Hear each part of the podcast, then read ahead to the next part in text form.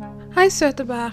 Denne lille biografien kan ha noen feil. Jeg har prøvd å være så nøye jeg kan og lett etter alle kilder, men selvfølgelig er det vanskelig å spore alle hendelser i et 29 år, år langt liv, og hvor sannferdige de kildene er. Jeg må innrømme at jeg er ikke helt sikker på alt jeg skal fortelle, men det er ikke noe å bry seg om. Det er gøy uansett. Av og til kan man like så greit begynne en fortelling ved slutten. Året er 2000. Det er vinter i dyrehagen San Diego Zoo. Man kan se at folkefavoritten og lokalkjendisen, orangutangen Ken Ellen, har begynt å oppføre seg annerledes. Han er ikke sånn vanligvis pleier å være. Når dyrepasserne legger merke til dette, sender de en raskt til veterinær, så like raskt kan gi den mest sørgelige diagnosen. B-cellelymfom, lymfekreft. Ettersom diagnosen var så alvorlig, og det ikke var bedring på sikt, ble den 29 år gamle primaten avlivet 1.12. år 2000. Han ble deretter kremert. Dyrehagen satte opp et minnesmerke. Når fanklubben mottar nyheten, gir fanklubbens blad, The Orangang News, ut en tosiders hyllestutgave for kennelen. Samt blir det avholdt en lystent vake for deres helt. Et av medlemmene, Marlene McLay, kommenterer til den riksdekkende avisen The Times. Han ville gjort det samme for oss. Men var alt dette kun en dekkoperasjon? Kanskje Ken Ellen hadde en helt annen skjebne. Mine damer og herrer, barn i alle aldre, dette er historien om Ken Ellen, den hårete Houdini.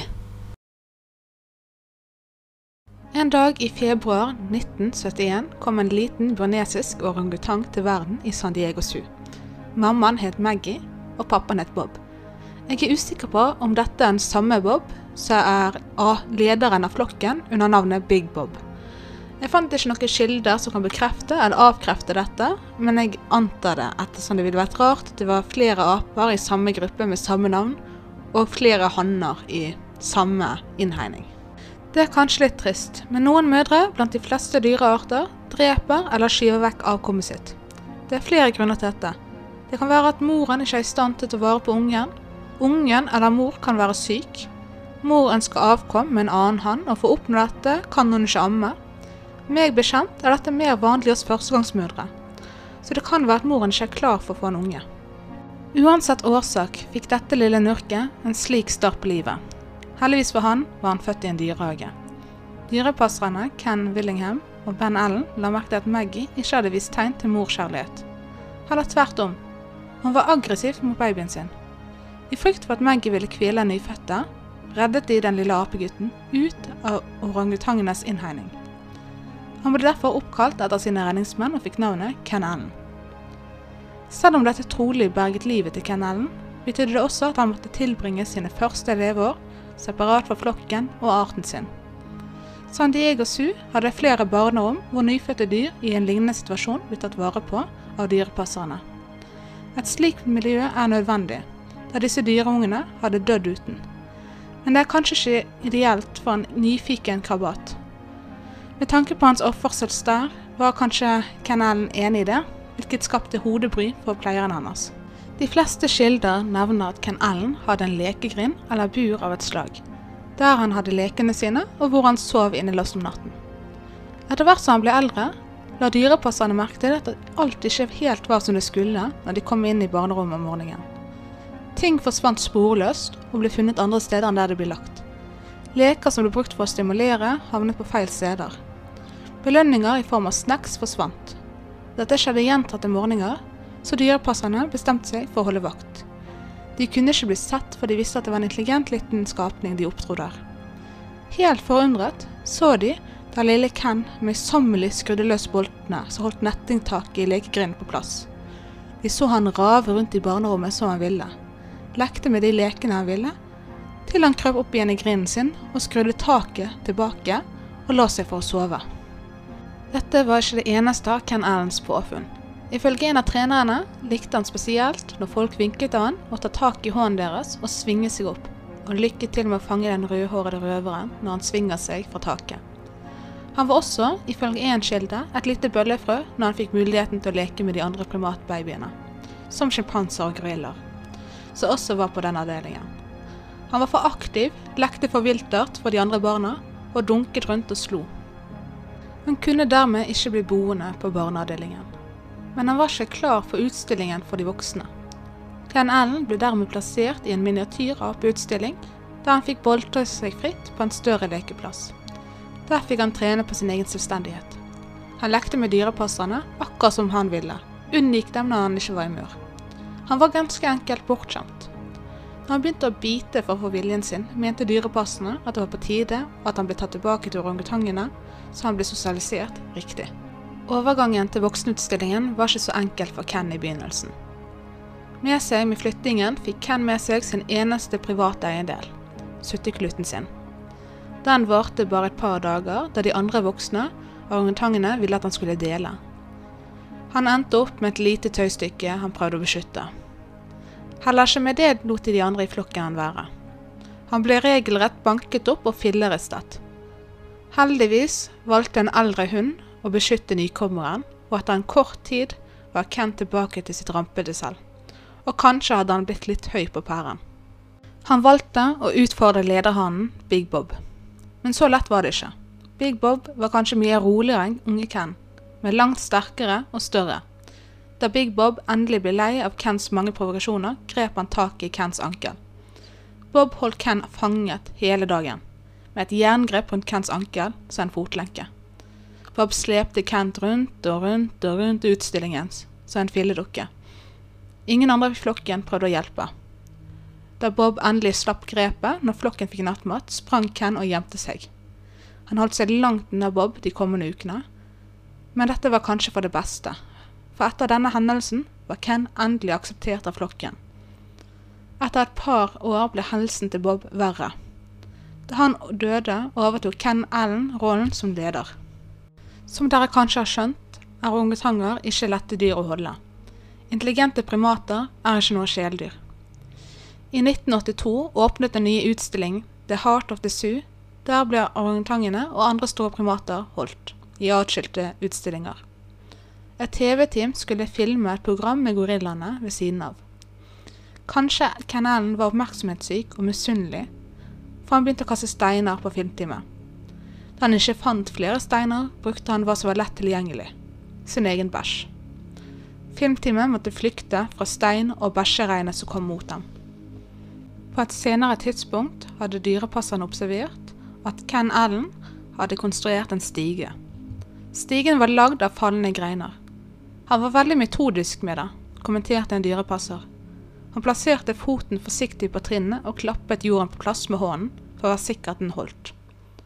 Han klatret opp til veggen, men rakk ikke opp, så fluktforsøket var avverget. Om han tok turen innom San Diego Zoo torsdag 13.6.1985, kunne man bli møtt av et merkverdig syn. En av de andre tilskuerne var noe annerledes enn de andre. En 130 kilo tung rødhåret ape gikk rundt utstillingen og tittet på de andre dyrene. Dette kunne vært en farlig situasjon. Orangutanger er ikke kjent for å være farlige i det fri. Jeg kunne ikke finne noen tilfeller hvor ville orangutanger har angrepet et menneske, men dyr kan oppføre seg annerledes i fangenskap. Der det har vært flere orangutanger som har angrepet mennesker. Heldigvis var Ken Allen rolig. Folk gikk til og med bort til han og tok bilder. Han gikk også rolig med dyrepasserne tilbake. Denne gangen var det ingen stige å finne. Ingen skjønte hvordan han hadde klart det. Først antok man at det må ha vært en menneskelig glipp. En dør som var åpen, eller noe annet. Men det var raskt utelukket. Utstillingen måtte dermed bli kraftig oppgradert. Veggene ble glattet for å forhindre håndtak, og veggene ble hevet med blokker, Muren bak vollgraven ble også hevet med halvannen meter. Dyrehagen fryktet først et PR-mareritt, men kennelen ble med ett en lokal kjendis. Dyrehager bruker vollgraver for å beskytte tilskuerne. Det antas at orangutanger er livredde for vann, men det stoppet ikke kennelen. Igjen et par uker senere, 29.07, klatret kanalen opp muren bak vollgraven, til tross for høyden. Denne gangen var kanalen i et dårligere humør men han tok det ikke utover de menneskelige gjestene. Isteden tok han ferden til en annen utstilling med orangutanger. Hans offer var en tidligere rival som het Otis. Dyrepasserne fant Ken foran Otis sin utstilling, der han kastet steiner og bæsj på Otis. Ken gikk motvillig med dyrepasserne tilbake til sin egen utstilling. dyrepasserne trodde at en av årsakene for Kens hat rettet mot Otis, kan ha vært at utstillingen til Otis hadde flere hunder enn den Ken bodde i. Dermed, i et forsøk på å roe ned Ken, ble nye hunder flyttet inn til han. Vi håper å endre hans reisebegjær til begjær, kommenterte en passer. I tillegg skjønte dyrepasserne at Ken kunne gjenkjenne, gjenkjenne dem med uniformen. Så de brukte spioner, kledd i hawaiiskjorter, dongeribukse og caps, og solbriller. Men Ken Allen lærte seg med tiden å gjennomskue dem. Ken Allen var interessert i de nye jentene, men av helt andre årsaker enn hva Dyrehagen hadde ønsket. Kennelen var en ganske god lærer. Og de unge hundene fantastiske elever. Han lærte opp jentene til å bygge broer, skru opp bolter, alle rømningsmåter som fantes, og han gav dem rømningslyst. Etter det hadde blitt lært opp, kunne det ikke bli fjernet fra utstillingen. Siden, hvis de ble flyttet til en annen hans habitat, ville de spre kunnskapen. Ken Allen hadde også et kort opphold på isolasjon da de nye endringene til utstillingen pågikk. Vollgraven fikk elektrisitet, og veggene ble igjen glattet ned. Dyrehagen ansatte profesjonelle klatrere for, for å forsikre seg om at denne gangen var utstillingen sikker. 13.8 ble Ken Allen satt tilbake i utstillingen. Et brekk igjen hadde blitt glemt igjen av byggerne, og Ken Allen fant det etter kun én time i utstillingen. Dyrepasserne som passet på i sivilklær, fikk nesten panikk. Dette kunne være et farlig våpen men kanelen kastet fra seg etter kort tid. Og dyrepasserne pusset lettet ut. De kunne hente det ut senere. Akkurat nå var å passe på Ken det viktigste. Han spaserte til motsatt side av utstillingen, og dyrepassernes øyne fulgte. Hadde de fulgt litt nøyere med, kunne de ha lagt merke til at brekkjernet hadde landet rett ved føttene til den nye hunden, Vicky. Mens Ken distraherte, gikk Vicky til verks. Hun brukte brekkjernet til å bryte opp fugene mellom to glasslag. Innen et par minutter hørte dyrepasserne lyden av glass som knuses. Glasset var knust, men det var ennå på plass. Dyrepasserne mente at de hadde jobbet sammen. Ken var distraksjonen, og Vicky var musklene. Begge fikk et lite opphold på isolat etter hendelsen. Kanalen fikk en svart-hvit TV på cellen sin. Som sagt var de nye hundene flinke elever og svært mottagelige for Ken Allens lære. Et par måneder senere prøvde to av hans lærlinger, Kumang og Jane, et fluktforsøk. De fant en halvannen meter lang vindusnål som vindusvaskerne hadde glemt igjen. Med den prøvde de å lage bro til å klatre over. De ble tatt på fersken, og fluktforsøket ble avverget. Men den ni år gamle Kumang hadde fått smaken på friheten. Rundt samme tid, nå for en fjerde gang, prøvde Ken Allen å flykte fra fangenskap. Han gikk ned til vollgraven med vannet til hoftene og prøvde å gå over. Men da han traff den elektriske ledningen, flyktet han tilbake til utstillingen. Dyrehagens ledelse var svært fornøyd med seg selv. Da et av sikkerhetstiltakene hadde funket. Men det skulle ikke vare. Jeg er her litt usikker. Kildene er motstridende, og det kan også ha vært to separate hendelser i 1987. Enten hadde vollgravens pumpe gitt opp, og vannet hadde tørket, og det var slik han hadde gått over på den tørre siden. En annen kilde hevder at dyrehagen hadde en reparasjon på den elektriske ledningen. I det tidspunktet skal Ken Allen ha skjønt at strømmen ikke var på i vollgraven, og dermed vasset over. Hvordan han skal ha funnet ut av dette, vet man ikke. Teoriene er at han hadde tidvis sjekket om strømmen var på. Han kan også ha sett reparatørene og sett at det ikke var Dyrehagens ansatte, og dermed prøvd en rømning. Teorien Dyrehagen fryktet mest, var at kanalen skal ha skjønt at summelyden var strømmen, og dermed hørt at strømmen var av. Om sistnevnte var den korrekte, kunne orangutangene rømme ved et strømbrudd, og Dyrehagen ville aldri være helt trygg. Denne gangen hadde Ken Allen sin lengste reise. Igjen lot han seg fotografere med tilskuerne og var ingen fare for menneskene. Han kom seg helt til løveutstillingen. Dyrepasserne var denne gangen mer nervøse, da det virket som han var fast bestemt. De pakket med seg hard ammunisjon, sin bedøvelsesmiddel ville ta for lang tid for å virke hvis Ken Allen gikk til angrep. Heldigvis var det ikke behov for det. En veterinær fikk han tilbake til utstillingen, men han var synlig forbannet over situasjonen.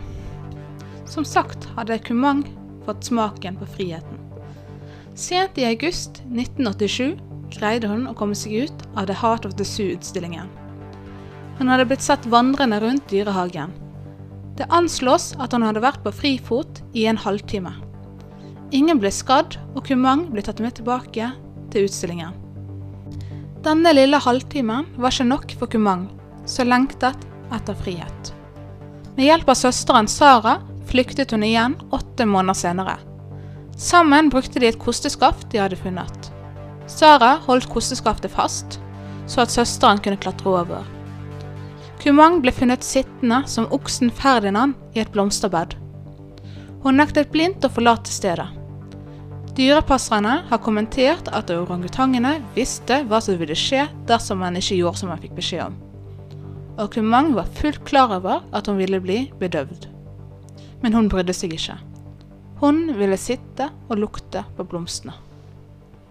Allerede neste dag rømte Kumang igjen. Hun ble funnet ved kostymeapene. Da hun skjønte at hun hadde blitt oppdaget, klatret hun opp på et fuglebur og ventet på deres neste trekk. Hun ble igjen bedøvet. De lette i utstillingen og fant ut hvordan hun hadde gjort det. Med trepinner og greiner hadde hun kortsluttet strømmen og dermed rømt. Nå var dyrehagens ledelse lei av orangutangenes påfunn. En kjempeombygning ble startet. Nå skulle alt testes, alt skulle sikres. Denne gangen skulle det gå. De neste tre månedene ble orangutangene holdt i kjelleren under dyreparken. Dette kan virke brutalt, men dyrepasserne mente at ja, det er ikke ideelt. Men mange dyrehager i kaldere klima gjør det samme om vinteren. Opprustningen kostet ca. 45 000 dollar, men dagens pengeverdi i norske kroner er det 7 950 000 kroner. I tillegg skal dyrehagen flydd en kjempemagnet over innhegningen for å sikre at ingenting av metall skal bli brukt for å ødelegge det elektriske anlegget. Dyrene blir returnert til den store gjenåpningen. Likevel var ikke alle like optimistiske. Noen uttalelser fra dyrepasserne var man kan ikke garantere noe med disse typene. Deres natur er svært manipulerende, veldig observant og hardtarbeidende. Vi kan ikke vite med sikkerhet om dette er en suksess. Fra et rømningssynspunkt, kanskje om to, tre, fire år, vil denne gjengen se gjennom alle reparasjonene våre. Faktisk, etter fire år, klarte en orangutang kalt Inda å rømme fra utstillingen. Gjennom hele 80-tallet hadde Ken Allen og hans lærlinger fått kjendisstatus verden over. De var tema i mange avisoppslag i de store avisene som The Times, USA Today og Newsday. Dyrehagen visste å utnytte dette, og solgte T-skjorter, kopper og klistremerker med teksten 'Fri Ken Allen'. Han fikk også en egen fanklubb kalt The Rang Gang. Klubben besto primært av pensjonister. Ett medlem, jeg beklager uttalen på dette navnet, Tivala Baker, det staves T W-I-L-A, printet ut meningsbladet The Rangang News. En mann ved navn Dennis, i dag går han under navnet David, Gersten skrev også en sang kalt The Ballad of Canalen. Sangen ble en lokal hit, og den er blitt opptrådt på lokal-TV i San Diego, og solgt i dyrehagen i mange år. Om noen ønsker å høre den, ligger den på YouTube, og jeg har lenket den under. Nylig fikk han også en øl oppkalt etter seg fra et lokalt bryggeri. Ølen heter The Harry Houdini. Men det er kanskje nok på nettet kanalen er mest berømt i dag. Han har blitt en urban legende. Det florerer av vitneutsagn og biografier på flere forum. Jeg vil også anbefale en subreddit dedikert til hans ære for de som er mest interessert, kalt r slash fuck Otis. Kanalen skal ha forsøkt én siste gang å rømme. Han skal ha blitt sett klatre som Spiderman opp en av veggene, men gitt opp når han kom opp til det elektriske gjerdet. Etter dette skal Ken Allen ha lagt tryllekunstene på hyllen og blitt familiefar. De lokale nyhetsmediene og selvfølgelig The Rang Gang News har fulgt opp med han, men etter hvert falmet berømmelsen. Han skal ha brukt sine siste år med å vise fingeren til småbarn som kom for å se på dyrene.